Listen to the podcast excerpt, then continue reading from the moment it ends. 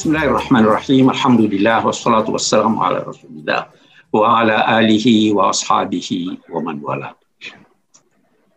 Saya ingin berkata bahwa eh, berbicara menyangkut Rasul Shallallahu Alaihi Wasallam itu adalah kehormatan yang tidak lagi menyentuh Rasul, tetapi justru menyentuh pembicara dan para pendengarnya. Di sisi lain, berbicara menyangkut Rasul Shallallahu Alaihi Wasallam itu tidak mungkin akan mampu seseorang untuk menguraikannya karena betapapun pandai dan luasnya uraian menyangkut Rasul Shallallahu Alaihi Wasallam tetap saja walau sepanjang usia kita gunakan untuk membicarakannya, tetap saja ada yang tidak dapat terjangkau. Pengetahuan kita tentang Rasul hanya sampai untuk berkata bahwa dia adalah manusia, manusia yang teragung di permukaan bumi ini, bahkan di alam raya ini. Uh, kita akan berbicara tentang persoalan secara singkat Mengapa singkat?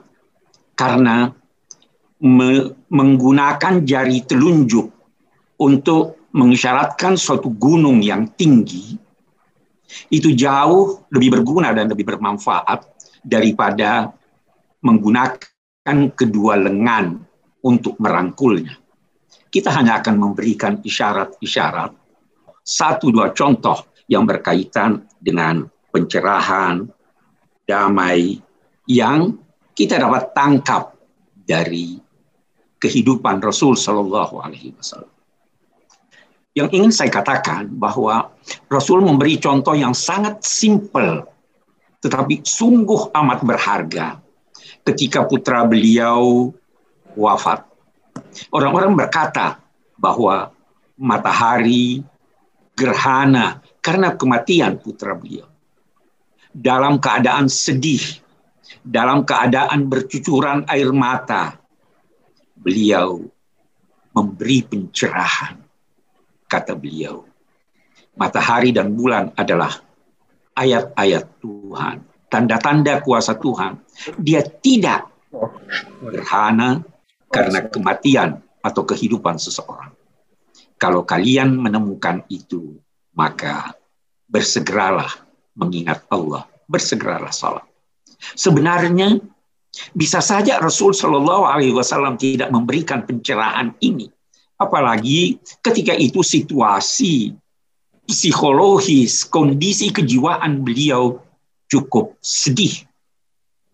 Tetapi karena tugas beliau adalah memberi pencerahan, maka beliau memberikan pencerahan yang amat berharga ini. Karena itu Allah Subhanahu wa taala melukiskan Rasul Shallallahu Alaihi Wasallam dengan firman-Nya, Inna arsalnaka syahidan wa mubashiran wa nadhiran wa da'iyan ilallahi biiznihi wa sirajan munira.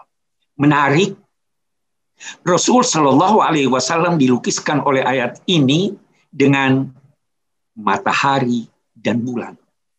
Matahari memiliki cahayanya atas anugerah Allah. Tidak bersumber dari siapa pun atau apa pun kecuali dari Allah. Sedangkan bulan merupakan pantulan dari cahaya matahari. Itu berarti dalam sosok Rasul Shallallahu Alaihi Wasallam ada penerangan. Itu berarti karena manusia membutuhkan matahari untuk kelangsungan hidupnya, maka kehadiran Rasul Shallallahu Alaihi Wasallam sepanjang masa kita butuhkan. Yang kedua yang saya ingin eh, kemukakan adalah persoalan perdamaian. Saya hanya akan memberikan juga satu contoh menyangkut bagaimana sikap Rasul menyangkut perdamaian. Kita cukup melihat bagaimana sikap beliau waktu Sulhul Hudaybiyah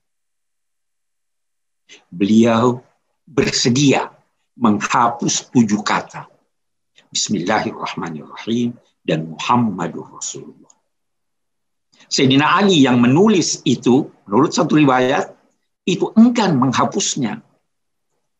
Umar ibn Khattab berkata ketika membaca atau mengetahui butir-butir dari Sulh Hudaybiyah itu, kenapa kita harus menerima sesuatu yang melecehkan kita? Rasul Shallallahu Alaihi Wasallam menjawab, saya Rasul. Beliau menghapusnya, bahkan lebih dari itu. Beliau membatalkan kunjungan umroh yang bersifat sunnah itu demi mencapai dan menandatangani perdamaian itu. Saudara, karena itu tidak ada alasan untuk berkata bahwa agama Islam tidak menghendaki perdamaian. Damai ada dua macam. Ada damai yang melahirkan kedamaian masyarakat seluruhnya. Itu salah satu contohnya yang saya berikan tadi. Salamun bainan bainal mar'i wa nafsihi wa salamun bainal mar'i wal akharin. Syekh Muhammad Al-Ghazali, seorang ulama besar di Mesir, mengutip riwayat yang menyatakan bahwa suatu ketika seorang bernama Unwan datang kepada Al-Imam Ja'far Sadiq meminta nasihat.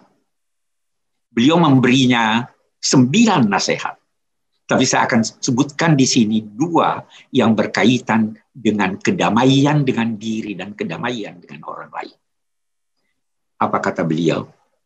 Hai Unwan, kalau ada yang berucap kepadamu sepuluh makian, jangan jawab. Katakan kepadanya, jika engkau berucap sepuluh, engkau tidak akan mendengar dariku satu. Mengapa demikian?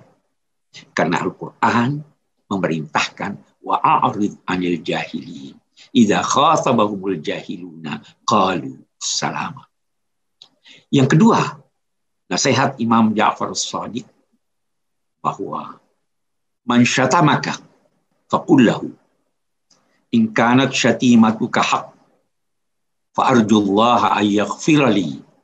Wa in kanat ghaira dhalik fa arjullaha ay yaghfira kalau makianmu benar maka aku bermohon semoga Tuhan mengampuniku. Dan kalau makianmu tidak demikian maka saya bermohon Semoga Tuhan mengampuni. Adakah kedamaian lebih dari ini? Tapi itulah contoh-contoh yang diberikan oleh Rasulullah Shallallahu Alaihi Wasallam dan keluarga beliau dalam konteks memantapkan perdamaian. Mudah-mudahan ada manfaatnya. Wassalamualaikum warahmatullahi wabarakatuh.